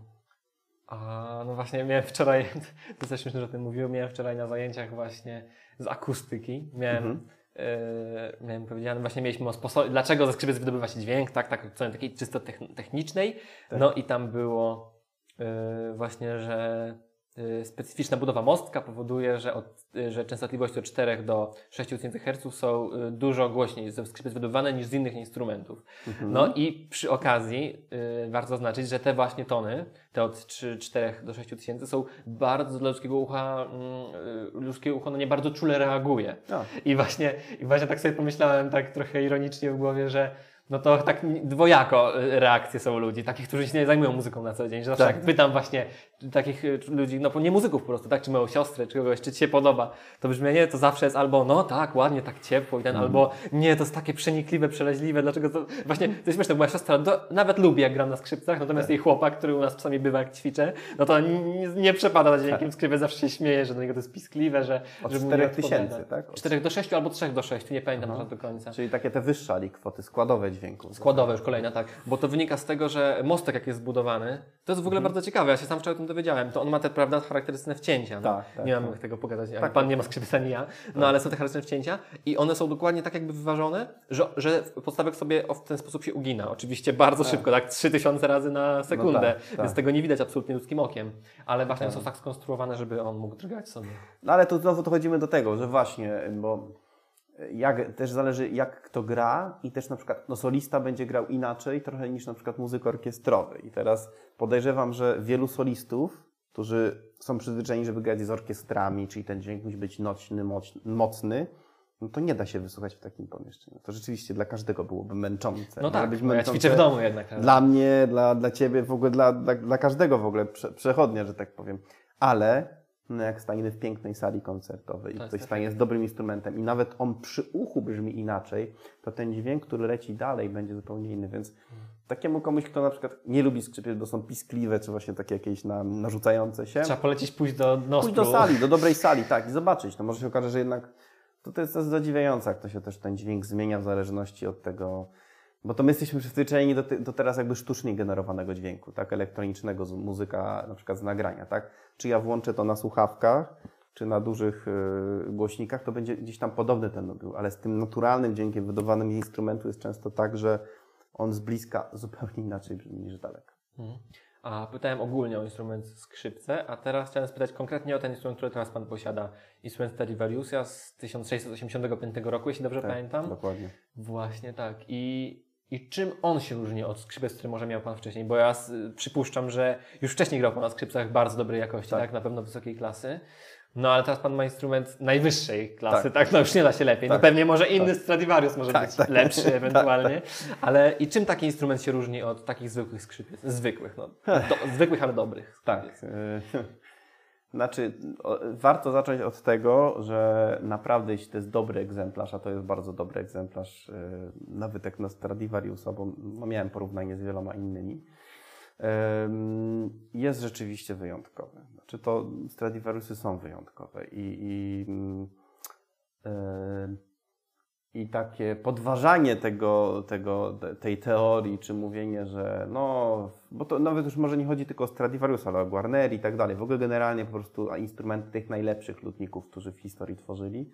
Podważanie, że to jest nieprawda, że to jest mit, no ja się z tym nie zgadzam. Teraz jakby mogę powiedzieć w pełni, e, że tak powiem, świadomy tego, bo naprawdę jest to niesamowita, nies, niesamowita jakość. To trudno jest wytłumaczyć jakby słowami, dla, dlaczego, dlaczego ten instrument jest lepszy, ale y, po pierwsze, z punktu widzenia słuchacza jest to instrument, który naprawdę brzmi wyjątkowo. No właśnie znowu na dużej sali, dobrej sali koncertowej. Myślę, że nawet laik przychodząc i słuchając Stradivariusa w połączeniu z innymi instrumentami gorszej jakości może usłyszeć tą różnicę. On usłyszy tą różnicę. Oczywiście musimy mu jakby pomóc, nakierować go, a słyszysz, że on brzmi tutaj blisko, że on nie brzmi jakby z daleka był, tak? Tylko on, ten dźwięk dociera do nas bezpośrednio. To jest to może, o czym mówiliśmy, no jakoś może w lepszy sposób te czułe częstotliwości, Jeszcze- które nas jeszcze lepiej działają, są tak? Jeszcze lepiej one akurat te docierają, ale rzeczywiście bardzo często jest tak, że właśnie dobry instrument na dużej sali brzmi tak, że my go widzimy na wprost, że on jest po prostu tutaj, tak? Że ten dźwięk dociera do nas i my jakby możemy zlokalizować, gdzie ten instrument jest, jakbyśmy zamknęli oczy. A natomiast gorsze instrumenty brzmią tak, że one gdzieś ten dźwięk dociera z daleka. Także słyszymy, że on zewsząd dociera. I to jest coś, co moim, zdaje, da, moim zdaniem daje właśnie przewagę tym najlepszym instrumentom, takim jak Stradivariusy, że one się przebijają przez orkiestrę. Nawet nie tyle, że one są głośniejsze, mocniejsze, tylko tym, że one właśnie mają ten, ten rodzaj częstotliwości, że on się wybija barwowo też z reszty, tak? To jest takie z punktu widzenia słuchacza, natomiast z punktu widzenia samego skrzypka, no jest to instrument, który daje niesamowite możliwości. Oczywiście Stradivariusy nie są łatwymi instrumentami, to wszyscy mówią na przykład porównanie do Guarneri i to potwierdzam też, że one są jakby trudniejsze, że trzeba się trochę na nich nauczyć grać, trzeba mieć do nich specyficzne podejście, trzeba wiele miesięcy popracować nad nimi, żeby się nauczyć też wydobywać z nich ten, ten dźwięk, żeby nie iść w złą stronę smyczkiem, żeby to był odpowiedni dotyk. Dość, dość, dość bliski kontakt, ale nie też nie za mocny, żeby go nie przeforsować. Natomiast jak się już uda z nim zespolić, już się nauczymy tego instrumentu, to rzeczywiście no, możliwości są niesamowite. To, to jest, mm, ja zawsze to trochę porównuję z rzeźbieniem dźwięku. Jakbyśmy byli rzeźbiarzami i po prostu ten materiał, który powiedzmy wcześniej się wydawał mniej doskonały, a że tutaj muszę ominąć, bo tutaj sęk jest, tą dziurka mi wyjdzie, tak? Albo nie wiem, że w tej glinie jakaś grudka się znalazła, tak sobie wyobrażam, nie jestem, nie jestem rzeźbiarzem. A tu po prostu mam jakiś taki idealny materiał, Idealnie który, gładki, tak? tak, który po prostu tylko pomyślę i samą myślą już to kształtuję, że jakby Okej. ta możliwość kształtowania, ta możliwość schodzenia do cichego brzmienia, głośnego, jakby ten instrument bardziej odpowiada osobie, która już oczywiście może dużo też, bo to też warto podkreślić, że no dawanie Stradivariusa, nie wiem, dziesięciolatkowi może nie ma za bardzo sensu, bo trzeba mieć pewne doświadczenie i też pewną ideę kształtowania dźwięku, ale to jest niesamowite, bo ten instrument prostu reaguje. On reaguje jak żywy człowiek i naprawdę zaskakuje mnie, już gram na nim dwa i pół roku, a naprawdę potrafi mnie zaskoczyć tym, Cały co, czas co więcej może zrobić, tak? że jeszcze więcej, że jakby jeszcze więcej jakby i, i też jakby muzyka inspiruje. To znaczy naprawdę czasami jest tak, że coś przez przypadek wyjdzie i mówię, o kurczę, ale to fajnie brzmi i pójść w tą stronę. I pewnie im, jakby jest tak, że im więcej pan odkrywa, tym się jeszcze bardziej chce, pe- prawda? No Tak, właśnie. tak. To... No i też, i też czuć, że ten instrument niesamowicie rezonuje. To, o czym mówiłeś, o tych badaniach naukowych, że tam takie częstotliwości, coś, tu naprawdę czuć, że ten instrument niesamowicie rezonuje. On na przykład, jak ja gram koncerty i i często jest tutti orkiestry, czyli ten wstęp na początku, że skrzypek stoi sobie na scenie, a, a orkiestra gra. To ja naprawdę czasami czuję, jak chwycam go tylko za szyjkę, że wcale nie za pudło. On po prostu drga, on reaguje na to, co inni muzycy robią. Czyli on po prostu no jest takim narzędziem idealnym do odbierania i dawania dźwięku. No bo przecież pudło, jest, pudło tak naprawdę tylko odbiera to, co produkują struny, tak? Czyli on prze, te, te, te drgania, które przychodzą przez podstawek, musi wzmocnić. I to czuć w tym instrumencie, że on jest tak skonstruowany, że po prostu idealnie do tego stworzony. No to nieźle. Ale też właśnie no, czasami też może na mniejszą skalę nawet da się to odczuć. W sensie z troszkę gorszego sprzętu na troszkę lepszy. W sensie nie Tak. zawsze na Stradivariusa. Ostatnio miałem taką rozmowę śmieszną z kolegą. Tak trochę nie wiedziałem jak do niego podejść, ale tak mówię mu, że no, że bardzo Ci zazdroszczę. Mówię, że Ty jak od razu jak po prostu dotykasz struny, to mówię, jest taki nośny, mówię, taki świetny dźwięk. Mówię, jak się tego nauczyć, bo słyszałem go dosłownie dwa lata wcześniej, tak? Tak. No i na przestrzeni ten mówię, no, że w ogóle mega progres, tak? I jakby nie chciałem też go urazić, że kiedyś grał źle, bo Tak, zawsze tak. grał dobrze. Tak, nie tak, chciałem tak. mu tak powiedzieć, ale no, że tak, że tak te początki idealnie on. A, no wiesz, to co się zmieniło? Skrzypce zmieniłem. No także. Tak, to jest, to jest w ogóle bardzo ważne i mi się wydaje, że trochę w Polsce żyjemy w takim micie, że no, dobry muzyk to na wszystkim zagra. No, nie jest moim zdaniem tak. Jest też tak, że lepszy instrument też nas znowu rozwija. Oczywiście potem idziemy wyżej i znowu mamy potrzebę lepszego instrumentu, bo już się rozwinęliśmy. I ten znowu kolejny na wyższym poziomie instrument znowu nas rozwija i to jest, to jest w ogóle piękne właśnie no, zmienieniu tych instrumentów. No, każdy z nas zmieniał skrzypce wiele razy w życiu i każde te nowe, lepsze dawały jakby natchnienie do pracy i nowe możliwości. Na pewno. Właśnie tak wspominał Pan właśnie o tym, że, mm, że najlepiej jednak, że skrzypce muszą wręcz brzmieć na dobrych salach po prostu, szczególnie te Tak. skrzypce takiej klasy. Mm, Ma Pan jakieś takie swoje ulubione miejsca, w których Pan lubi koncertować? Czy może takich miejsc jest więcej w Polsce, czy raczej za granicą? Hmm. Muszę przyznać, że właśnie ostatni rok szczególnie był takim dla mnie e, rokiem, gdzie miałem okazję naprawdę w wielu przepięknych salach zagrać. Em, Miałem okazję zagrać e, w Nosprze w Katowicach, który jest absolutnie genialną salą. NFM we Wrocławiu. Nie wiem, która lepsza, która gorsza. Są zwolennicy tej, zwolennicy tamtej. Mi się w obu grało fantastycznie. Trochę się różnią. Było to niesamowite prze- przeżycie i właśnie możliwość grania na tym instrumencie, który jakby ta sala zaczyna być takim przedłużeniem tego instrumentu. Zaczęło potęgować to wszystko. Tak, tak, to działa. Miałem okazję też by- być w Elbphilharmonii, która parę lat wcześniej w Hamburgu powstała, też taki jeden z najnowocześniejszych projektów w Niemczech. Też piękna sala, też bardzo dobrze mi się tam grało. Miałem okazję zupełnie w innej sali grać Wigmore Hall w Londynie, która jest malutką, starą salą, już budowaną dawno, dawno temu. I ona w zasadzie jest malutką sceną tylko na koncerty kameralne. Tam się więcej niż jakiś, nie wiem, sekstet, oktet y, smyczkowy chyba nie zmieści.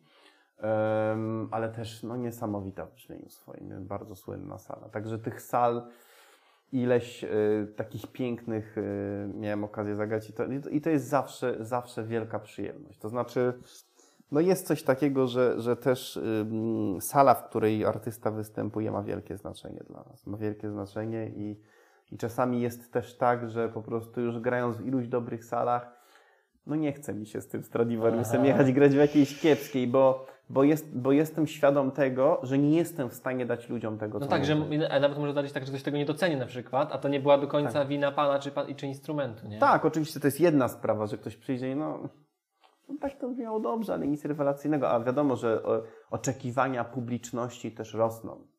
E, Jak artysta jest coraz bardziej znany, że właśnie ma super instrument, no to teraz to już pójdę i posłucham, a tu nagle sala nam wszystko psuje, więc myślę, że też po prostu czasami, e, e, żeby być też takim jakby uczciwym wobec swoich odbiorców, może się nie powinno godzić na pewne sprawy. Mhm. Czy no nie powinien artysta może z takim instrumentem, z takim repertuarem no występować w jakiejś sali, bo to jest takie trochę oszukiwanie też. No jeśli pan ma propozycje na całym świecie, no to po co się, że tak powiem, ograniczać też, tak? Dokładnie, dokładnie. No to Myślę, jest, że nie ma w tym nic złego, to absolutnie. jest też takie, no nie wiem, no może na pewne filmy na przykład nie powinniśmy chodzić do kiepskiego kina. Takie, że to jest film jakiś spektakularny, widowisko pewne, gdzie jest, gdzie no, te nowe technologie są wykorzystywane, tak? Czyli jakiś duży ekran, super nagłośnienie Dolby Atmos, że to jakby to dopiero daje ten efekt, no i potem pójdziemy do jakiegoś marnego, No kiepskiego kina i no fajny film, ale nie.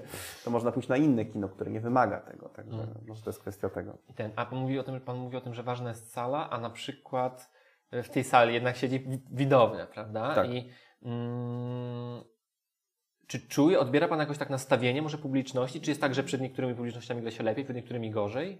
Myślę, że, że tak, że jest coś takiego też. Wiesz, że na przykład się wchodzi i widzi, że wszyscy są nabuzowani, a, Tak. a się wchodzi, nie wiem, na przykład, no tak, teraz jakby w czasie tego koronawirusa, chociaż o tym już rozmawialiśmy, no ale że ludzie są coś tacy przygaszeni czy coś. Tak, tak. No jest, oczywiście, to, je- to, je- to ma bardzo duże znaczenie, ale też, też uczę się tego coraz, coraz bardziej i staram się to też jakby polepszać w, swoim, w swoich występach, że też ma bardzo znaczenie to, co artysta daje ludziom. Znaczy to, z jaką ja jako muzyk, skrzypek wychodzę na scenę. Co ja w pierwszych sekundach bycia na scenie pokażę. W jaki sposób się przejdę po tej scenie. Czy się uśmiechnę, czy się popatrzę na moich współgrających na orkiestrę, czy się do nich uśmiechnę, czy, czy popatrzę na, na, na pewne rzędy w publiczności, czy może czasami, czasami coś powiem po wykonaniu. Na przykład czasami jak się zagra jakiś nawet duży koncert, ludzie słuchają, słuchają i potem nawet jakieś kilka słów do publiczności powoduje, że te kilka sekund uff, zbliża nas niesamowicie. To bym porównał do czegoś takiego, że e, na pewno każdy z nas może gdzieś tam w jakimś y, transporcie publicznym jechał, tak? Wchodzimy, tak wszyscy stoją i patrzą, patrzą na siebie, tak? Każdy taki poważny, smutny i nie wiem, zauważyłem się, wystarczy, że na przykład zagadasz do kogoś coś, a proszę pani, spadła pani rękawiczka, a może pani bilet skasać i nagle się atmosfera No, rozluźnia prawda? się, Drugi tak. nagle się dołącza, coś tamtego i nagle się okazuje, że jesteśmy w jakiejś takiej konwencji już bardziej towarzyskiej, tak? Że już nie stoją wszyscy ścianą do siebie obcy, tylko już tak trochę jakaś tak, o, i coś tam, i nawet może zaczniemy z kimś rozmawiać, albo nie wiem, na którym przystanku pan wysiada, tak? Jak wsiadamy do... Ja bym do, do czegoś takiego mm, porównał, czyli taka pewna otwartość na innych ludzi. I to jest to, co wydaje mi się, że muzycy w ogóle powinni się tego uczyć. Czasami Czyli- wydaje mi się, że zapominamy o tym. Czyli pan twierdzi, że bardziej zależy już to, co muzyk zrobi, niż to, co publiczność, tak? tak. Czyli, czyli nie ma wielkich różnic, na przykład, że ludzie za granicą reagują inaczej niż w Polsce. Oczywiście, że są różnice. Są różnice. Oczywiście, że są Pewnie w różnice. Azji może największe. W Azji, w Ameryce też. y, No ja pamiętam, jak na przykład grałem, y, to było bardzo specyficzne dla mnie też takie granie. Kiedyś w Kanadzie grałem koncert właśnie Beethovena. Y, W takim miejscu, to była stary machine shop, czyli, mm, czyli taka jakaś fabryka, gdzieś tam jakieś gigantyczne w ogóle hangar, który potem został przerobiony na salę koncertową. Ale salę koncertową, jak to w Ameryce jest, że tak, w piątek jest muzyka country, y, w sobotę jest y, penderecki, nie wiem, w niedzielę jest koncert jazzowy, jakby tam się wszystko dzieje, tak? To jest taka typowa sala, gdzie w zależności od potrzeby aranżują do tego wnętrze. No i takie, które były sceptycznie nastawione, no bo tak przyszliśmy, no to wygląda jak taka jakaś wielka fabryka, tych ludzi tam pełno. E, przyszli rzeczywiście, były, były tłumy. No, A co państwo grali? ludzie. E, Beethovena koncert. Także no taka bardzo klasyka i tego. No zobaczymy, jak to się tu, to się, jak to się tu sprzeda. No i muszę powiedzieć, że tak publiczność była bardzo rozluźniona. Wszyscy byli tak na ludzie po kowbojsku ubrani, dżinsy i czapeczki w ogóle. Ale jak zaczęliśmy grać, to była po prostu cisza. Po prostu było tak, tak oni byli, ale też jestem przekonany, że po prostu my też podeszliśmy z szacunkiem do nich. Tak? To nie było, że a tam wiocha tu jakaś będziemy, tylko po prostu naprawdę było takie nastawienie, to było akurat kanadyjska orkiestra i kanadyjski dyrygent, ale zagraliśmy, ja, ja starałem się dać z siebie to, co naprawdę mogę, tak? Niezależnie od tego, że to nie jest jakaś super sala koncertowa, tylko taki barak wielki. I odbiór był niesamowity. Znaczy to w ogóle oklaski były tak jak na koncercie właśnie country, czyli A, po prostu były gwizdy tam, uu, nie wiem ileś razy bisowałem, ale właśnie to było takie piękne, że jak wykonywaliśmy tą sztukę, tą wysoką, to naprawdę odbiór był, był szacunek niesamowity. Hmm. Była cisza, wszyscy z zapartym tchem, a potem ta reakcja była taka wow, w ogóle tego, no, w jakiś mówię, koncert rockowy. Ale takie właśnie niesamowite. No w Azji z kolei, w Azji z kolei ta publiczność też bardzo żywiołowa potrafi być. Oni z kolei po koncercie wszyscy przylatują, każdy musi mieć zdjęcie, każdy musi wręczyć kwiaty i trzeba rzeczywiście uważać, żeby nie być stratowanym. No, w, na przykład w Szwajcarii, no to tam wszyscy bardzo powściągliwie. To, no, to jest chyba takie normalne, że często, przynajmniej takie moje doświadczenia wiele razy były, że, że, że, że tam no, nawet czasami to ledwo człowiek zszedł ze sceny, już, już brawa były. Yy, No to też były takie specyficzne środowiska, w których akurat może grałem.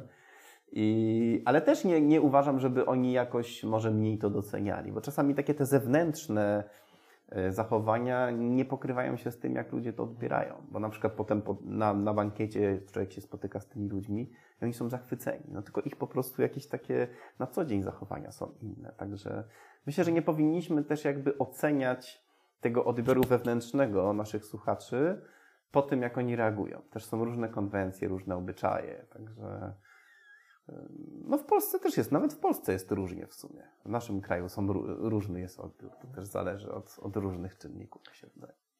A na przykład wezmy w tej Ameryce, czy pan, uwa- czy pan sądzi, że tam mogli być tacy ludzie z przypadku na przykład? Czy to jest tak po prostu, że kupują w ciemno koncerty, czy jednak oni raczej chcieli się tam znaleźć, tylko po prostu taki mają styl życia? Czy na przykład było tak, że to mogli być ludzie, którzy po prostu, tak, po prostu poszli na koncert i nie do końca byli pewni, co tam usłyszą? Wydaje mi się, że, że w Ameryce chyba bardziej jest to wymieszane, że ludzie traktują klasykę bardziej jak rocka, jak jazz, jak coś innego. E, że są jakby mniej, mniej jest hermetyczne to środowisko melomanów, co ma swoje i plusy, i minusy. Że jakby tam jest tak bardziej e, rynek muzyczny, klasyczny musi tak samo przyciągać swoją publiczność jak, jak, jak rockmeni czy jazzmeni. Natomiast y, wydaje mi się, że tutaj w Europie tak troszeczkę bardziej jest jakby hermetyczno, bardziej wyselekcjonowane, ale to też się powoli zmienia. To też trudno teraz mówić o tym, jak to wygląda, bo też żyjemy w czasach zmian. No tak, ale, ale na przykład dla mnie to jest w ogóle taka, taki kierunek, w którym w ogóle powinna iść muzyka poważna, czy klasyczna, czy jak ją tam Tak. nazwiemy. Mm, No na przykład w jednym właśnie wywiadów z Panem mm, Yy, mówił Pan o swojej płycie Aurora z 2013 roku, że yy, tam właśnie tak był do, w taki sposób był dobrany repertuar na niej, żeby trafić zarówno w gusta melomanów, jak i ludzi, którzy na co dzień muzyki klasycznej nie słuchają, prawda? Yy, I tam właśnie Pan mówił też o filmie, który został nagrany. Ten film sobie zobaczyłem, to był taki sześciominutowy film, jeśli dobrze pamiętam. Tak, tak. Tak, właśnie bardzo ciekawymi wypowiedziami, no jakościowo jakby widać operatorzy, widać wiedzieli co, po co tam są, że tak, tak, powiem. tak, tak, tak. E, I, I no i to jest moim zdaniem fajny kierunek właśnie takiego, mm, takiego zachęcenia ludzi do odbioru muzyki poważnej. Tak, tak. A y, czy jak jeszcze widzi Pan sposoby na to, żeby właśnie zachęcić, żeby jeszcze powiększać to grono po prostu ludzi? Bo, bo no, nie trzeba, myślę, że każdy, w Pol każdy wie to, że nie trzeba tego ukrywać, że w Polsce mało słucha muzyki klasycznej jednak. No. Mm, I, I jak można zachęcić ludzi do tego, żeby i czy, o to pierwsze moje pytanie będzie takie, czy ta promocja udała się w ten sposób, tej płyty Aurora? Czy rzeczywiście Pan miał taki potem odbiór, że rzeczywiście y, ludzie, którzy nie mieli na przykład na co dzień wspólnego z muzyką poważną, słuchali tej płyty i byli zadowoleni? Tak, tak, był, był, była ta, był taki odbiór i, i była y, promocja na to nastawiona i wiem, że właśnie wiele osób, bo ten program też był tak dobrany, że był trochę modernistyczny, trochę pokazywał nowoczesną muzykę klasyczną, ale też jednak usatysfakcjonował tych takich bardziej wyrafinowanych mm, słuchaczy. Natomiast y, jak możemy? Y, Właśnie wydaje mi się, że tak, to jest dosyć trudny temat, bo, bo też wiadomo, że muzyka klasyczna, muzyka poważna nigdy nie będzie odbierana na taką skalę jak, nie wiem, disco. E, nigdy nie będzie miała tylu odbiorców i też nie musi mieć, nawet może nie powinna mieć. I też y, dla wielu ludzi, którzy kochają muzykę poważną czy klasyczną, jest też rodzajem towaru, brzydko nazywając, luksusowego. To jest tak jakby zapytać, czy jak zrobić, żeby więcej ludzi miało Bentleya, no. albo, albo żeby nosiło, nie wiem, drogie zegarki No ale na. Bentleya jednak trzeba, za Bentleya trzeba zapłacić za zegarek, a jednak ta A, muzyka poważna właśnie. jest na wyciągnięcie ręki dla każdego. O właśnie, i to jest też pytanie, Może jakby była droższa, to by właśnie, było co więcej... to znaczy? Właśnie, bo, bo też musimy sobie uświadomić, że ta muzyka, y, muzyka poważna jest u nas na wyciągnięcie ręki. Czego ludzie i tak czasami mi się wydaje nie doceniają. E, Natomiast w bardzo wielu krajach zaawansowanych finansowo za muzykę taką się płaci duże pieniądze. No chociażby wspominaliśmy o Berlińczykach, tak, którzy za swoją subskrypcję kilkaset euro y, to nie kosztuje tyle co Netflix. Przepraszam, z szacunkiem na Netflixa. To kosztuje ileś razy więcej. Tak samo bilety są od kilkudziesięciu do kilkuset euro. A ludzie bilet. kupują, a ludzie chodzą. Ludzie kupują i to też u nas widać, że ludzie często y, mówią, że nie chodzą do teatru czy tam do, na jakiegoś, do filharmonii, bo bilety drogie, no ale jak przyjeżdża Rolling Stones i bilet kosztuje kilkaset złotych, to nagle stać wszystkich na to, żeby pójść na stadion. Tu, tu, bym, tu bym też wiele takich eksperymentów, też trochę organizowałem w życiu y, rzeczy, festiwali, ale też rozmawiałem z wieloma organizatorami życia muzycznego, że bardzo często było tak, że na początku próbowali pewne inicjatywy robić właśnie za darmo. Że ludzie przychodzą i mają na przykład, no nie wiem, chociażby koncert sylwestrowy w moim mieście w Koninie, który był taka próba trochę właśnie takiej ba- bardziej klasyki, poka tej lekkiej, operetki, czegoś. A to było w budynku jakimś, tak? Filharmonii Tak, nie, nie, no nie, tam nie ma filharmonii w jakimś tam sportowym Okej, obiekcie. okej, okej. I teraz tak, jak za darmo, no to ludzie y, najpierw oczywiście brali te zaproszenia, potem tak przychodzili, wychodzili w trakcie. To się tak do, w ostatniej chwili dopiero brali. I tak często było, że już na koniec tego Sylwestra to połowa sali siedziała. Ludzie się też źle zachowywali, wychodzili, wchodzili, to tak jak na targu trochę. Hmm. No potem miasto postanowiło zacząć sprzedawać te bilety za kilka złotych, za 10, za 20, nawet nieduże pieniądze. No i oczywiście na początku, chyba, nie wiem, już nie chcę teraz mówić, ale w wielu przypadkach było tak, może nie w tym, że na początku to był taki oddźwięk, że trochę mniej ludzi zaczęło przychodzić. Ale minął rok, dwa i teraz po prostu nie można zdobyć biletu. Jak, się, jak te bilety wychodzą za te 20 zł, to one się rozchodzą w ciągu kilku dni albo kilku tygodni. Nie ma. I teraz wszyscy siedzą na całym koncercie. No właśnie. Wszyscy jak już kupili i wiedzą, że to zapłacili, to siedzą na całym i naprawdę doceniają. I tu też się trzeba nad tym zastanowić, czy, czy, czy, czy na pewno to jest dobre, że to jest takie po prostu otwarte dla wszystkich. Ja wiem, że oczywiście państwo, że musi być mecenat i tak dalej, bo wiadomo, że klasyka, muzyka poważna nie jest w stanie się utrzymać tylko z biletów. To nie mamy szans. Na całym świecie nie ma szans takich, żeby tak to zrobić. Muszą być albo system jest sponsorów, albo system jest mecenatu państwa. Są takie dwa główne systemy na świecie. Ale mm, no, ludzie, to, to, to jest pewien e, taki prestiżowy artykuł, że tak powiem, dobro pewne specjalne. Natomiast rzeczywiście na całym świecie są akcje również przybliżania tej, tej sztuki na ulicy i tak dalej. To jedno się z drugim jakby może nie kłócić, ale trzeba to rozróżnić, że ten koncert w najlepszej sali, z najlepszą orkiestrą, najbardziej prestiżową, musi to kosztować. To musi być coś, za co ludzie czują, że to jest dla nich wyjątkowe. I zresztą też, y, wracając do tego pytania, jak to promować. Chodzi mi o to, że artysta też, mi się wydaje, muzyki klasycznej, poważnej też, no nie może nagle się stać raperem, nie może się na, nagle stać muzykiem od disco. To znaczy nasz, nasz image, nasz, nasz wygląd, nasz e, pewien, nie wiem, sposób wypowiadania się, sposób zaistnienia na scenie nie może się stać inny, bo to będzie sztuczne. Zresztą tego też nasza publiczność oczekuje. Podobno bardzo ciekawe badania, był, był trend taki w ostatnich latach, żeby ta muzyka jeszcze bardziej się tak przybliżać, żebyśmy my nie byli jak muzycy poważni, tylko żebyśmy byli jak raperzy, jak, jak, jak, jak rockmeni.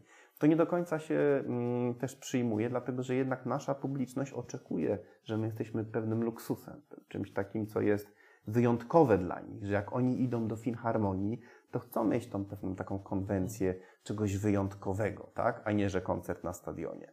Więc tu bym też uważał na to bardzo. Natomiast uważam, że absolutnie powinniśmy wykorzystywać nowoczesne media, bo to jest coś, co internet oczywiście, który nas zarzuca chłamem wielkim, i również w dziedzinie klasyki. Jak wiemy dobrze, że na, na YouTubie się różne, rzeczy różne rzeczy się dzieją i naprawdę czasami jak ktoś mi pokazuje, o słuchaj, fajną muzykę klasyczną i mi to potem puści, no to ręce załamać, tak? Jeżeli chodzi o jakość wykonania, o jakość nagrania, czy w ogóle jak to wygląda, jaki teledysk, jak on wygląda na przykład. To jest tragedia czasami.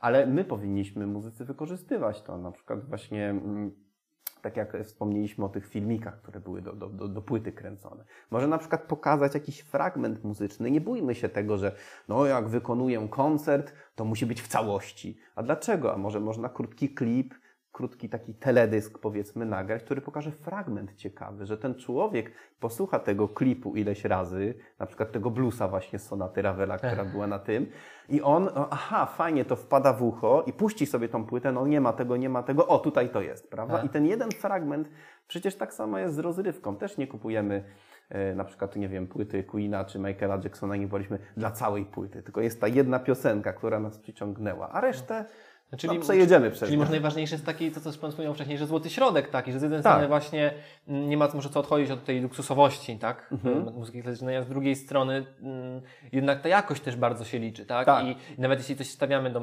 jeśli coś jest stawiane do mediów czy coś, no to musi być jednak zawsze ta jakość, bo to jest coś takiego, co jest, że tak powiem, w naturze muzyki klasycznej. Tak. Jest po prostu jakość wpisana, tak? tak. Jakby od tego się nie ucieknie. To jest moim zdaniem w ogóle najważniejsze. No, I na dłuższą, na dłuższą metę nie osłucha się, nie oszuka się melomanów. Hmm. Prawda wyjdzie na jaw i tak. Wspomniał Pan o, że Queen na przykład też promowało się promował się jakimś jednym singlem, czy w ogóle taki jest tak. trend w muzyce y, rozrywkowej. Już o tym Queenie też parę razy Pan wspomniał. No i na przykład, no dla mnie ja też bardzo w ogóle lubię ten zespół. Tak. Ale na przykład to, czego mi brakuje właśnie też w muzyce poważnej, to jest y, po prostu edukacja, po prostu taka świadomość ludzi. Y, na przykład y, to też było bardzo ciekawie przedstawione w tym filmie Bohemian Rhapsody, który mhm. wyszedł około półtorej roku temu, mhm. właśnie o Freddie Mercurym, taki biograficzny film. On wiadomo był fabularyzowany, ale była bardzo fajna scena właśnie jak, jak wydawali ten singiel Bohemian Rhapsody tak. i, i, nazywa, i naz, całą nazwali płytę i był spór w ogóle o nazwę płyty z, z wydawcą tak. Bardzo taka komiczna scena była, e, gdzie oni rzucali tymi płytami gdzieś za okno. No w ogóle polecam obejrzeć film, ale... Mhm. Jeszcze nie ale, miałem okazji. Ale właśnie, ale właśnie y, pierwszą, nie, nie pierwszą, przepraszam, ale którąś z kolei swoją płytę właśnie nazwali Night at the Opera. E, mhm. Co miało być nawiązaniem, przynajmniej w głowie, przynajmniej tak, co sobie przedstawiłem w filmie. Przyznam się, że nie zweryfikowałem tego faktu, tak. ale myślę, że oni tego nie wyssali raczej z palca. Mhm. Co w głowie właśnie Freddie'ego Mercurego miało być nawiązaniem do Mozarta i, mhm. i do jego oper. Tak. tak. I że właśnie wiadomo, że stylistycznie ta muzyka się różni. Tak. Y, różni całkowicie od muzyki poważnej, ale z drugiej strony ja zawsze w muzyce Queen dostrzegam takie, takie smaczki, dostrzegam takie tak. ich takie może podprogowe, nie wiem, co dobre słowo, ale takie y, przekazy, że jednak bazują na czymś, prawda? Że, tam, że ta muzyka poważna, nawet czasami w jakiejś makroformie, czy w jakimś drobniutkim elemencie dzieła, istnieje, a myślę, że wielu ludzi nawet nie jest tego świadomym. A pan na przykład lubi śledzić takie powiązania? W ogóle, bo, bo, czy słucha pan muzyki rozrywkowej? Tak, tak, właśnie Queen to jest jeden z moich ulubionych zespołów i, i się absolutnie zgodzę z tym, że tam No właśnie, i też pan wys- wysłuchuje tych takich elementów, tak powiem, muzyki poważnej w nich, czy raczej tak, na luźno? Tak, oczywiście. Bez w ogóle, analizy. W ogóle budowa, budowa tych, tych utworów bardzo często. Bohemian Rhapsody, ale też na przykład Innuendo, który jest takim utworem bardzo zbudowanym. No to mm, y, zespół Queen, Freddie Mercury, oni w zasadzie tworzyli utwory. To, to często Tak, nie były piosenki, tak, to były tak. utwory, które, które do dzisiaj e, dźwięczą nam w uszach. Zresztą podobnie myślę też w przypadku Michaela Jacksona chociażby było. Ale też przede wszystkim ich warsztat wokalny, to co oni robili jakby technicznie, jakim oni byli też muzykami. Myślę, że każdy poważny, każdy, mm, może inaczej, źle to określiłem, poważny, każdy mm, zawodowy śpiewak, nawet operowy, doceni warsztat, y, bo często o tym rozmawiałem z wieloma, z wieloma właśnie wokalistami, muzykami klasycznymi, właśnie jak oni śpiewali, że to było naprawdę na bardzo wysokim poziomie. I tu dochodzimy do tego tematu właśnie, że muzyka rozrywkowa, muzyka popowa też może być, na, ta jakość też może być bardzo wysoka, ale wydaje mi się, że my artyści z muzyki klasycznej, poważnej, powinniśmy jeszcze bardziej na tą, na tą jakość kłaść, tak powiem, nacisk. No pewnie. No to ostatnie pytanie mam takie, które chcę zadawać każdemu, mojemu- każdemu mojemu Mhm. gościowi. Mm, pytanie mam takie, co by Pan powiedział e, młodemu człowiekowi, który stoi przed jakąś ważną decyzją, powiedzmy zawodową, czy to jest decyzja o zostaniu muzykiem, czy, czy, czy o zostaniu lekarzem, tak, Mhm. do tych poprzednich naszych wypowiedzi nawiązując, e, i, i nie, może, nie może zdecydować się. Co by Pan powiedział takiemu młodemu człowiekowi, który ma jakieś swoje dylematy? Wiadomo, że nie mówię o konkretnie o muzyce poważnej czy, leka, czy, czy medycynie, ale Tak. po prostu, jak Pan był młody i próbuję sobie przypomnieć, co Pana wtedy motywowało. Wydaje mi się tak, że no to znowu trzeba znaleźć złoty środek. Znajdź złoty środek, yy, yy, słuchaj porad innych też yy, doświadczonych ludzi, bo wydaje mi się, że trzeba być bardzo otwartym na świat. Nie można się tylko zamknąć swoim, to co ja chcę, bo to jest bardzo wąskie. Sami jesteśmy do niczego. Yy, możemy być tylko świetni w połączeniu z wiedzą innych. To jest, to, to jest to człowieczeństwo, nasza cywilizacja. Także być otwartym na, na rady innych, porozmawiać z różnymi osobami zaufanymi, mądrymi, którzy wiemy nawet, że przypuszczamy, że są mądrzejsi od nas albo bardziej doświadczeni, ale też nastaw się na to, co ty chcesz. Też nastaw się na, jakby na swój wewnętrzny głos, bo to jest moim zdaniem bardzo ważne, że cokolwiek w życiu nie robimy, żebyśmy też nie zagłuszali tego, co my chcemy, bo z tym zawodem, z tym, co będziemy robić, zostajemy do końca życia. Może tych osób, które nam doradzały, już nie będzie dawno, a my cały czas zostaniemy z tym zawodem, z tym, co robimy. I mi się wydaje, że oprócz oczywiście zarabiania pieniędzy, oprócz tego, czy ile mamy tych, tych zer na koncie, jednak y, na koniec dnia się liczy to, jak to życie przeżyliśmy, jak, y, co robimy, czy ja jestem w ogóle, czuję satysfakcję z tego, co ja robię, żeby też mieć taką świadomość bycia potrzebnym dla reszty społeczeństwa i też robienia czegoś, z czego odczuwamy satysfakcję, bo ta satysfakcja chyba jest jednak potem najważniejsza. Dobrze, to dziękuję bardzo. Tego życzę. Dziękuję Dziękuję. Dzięki.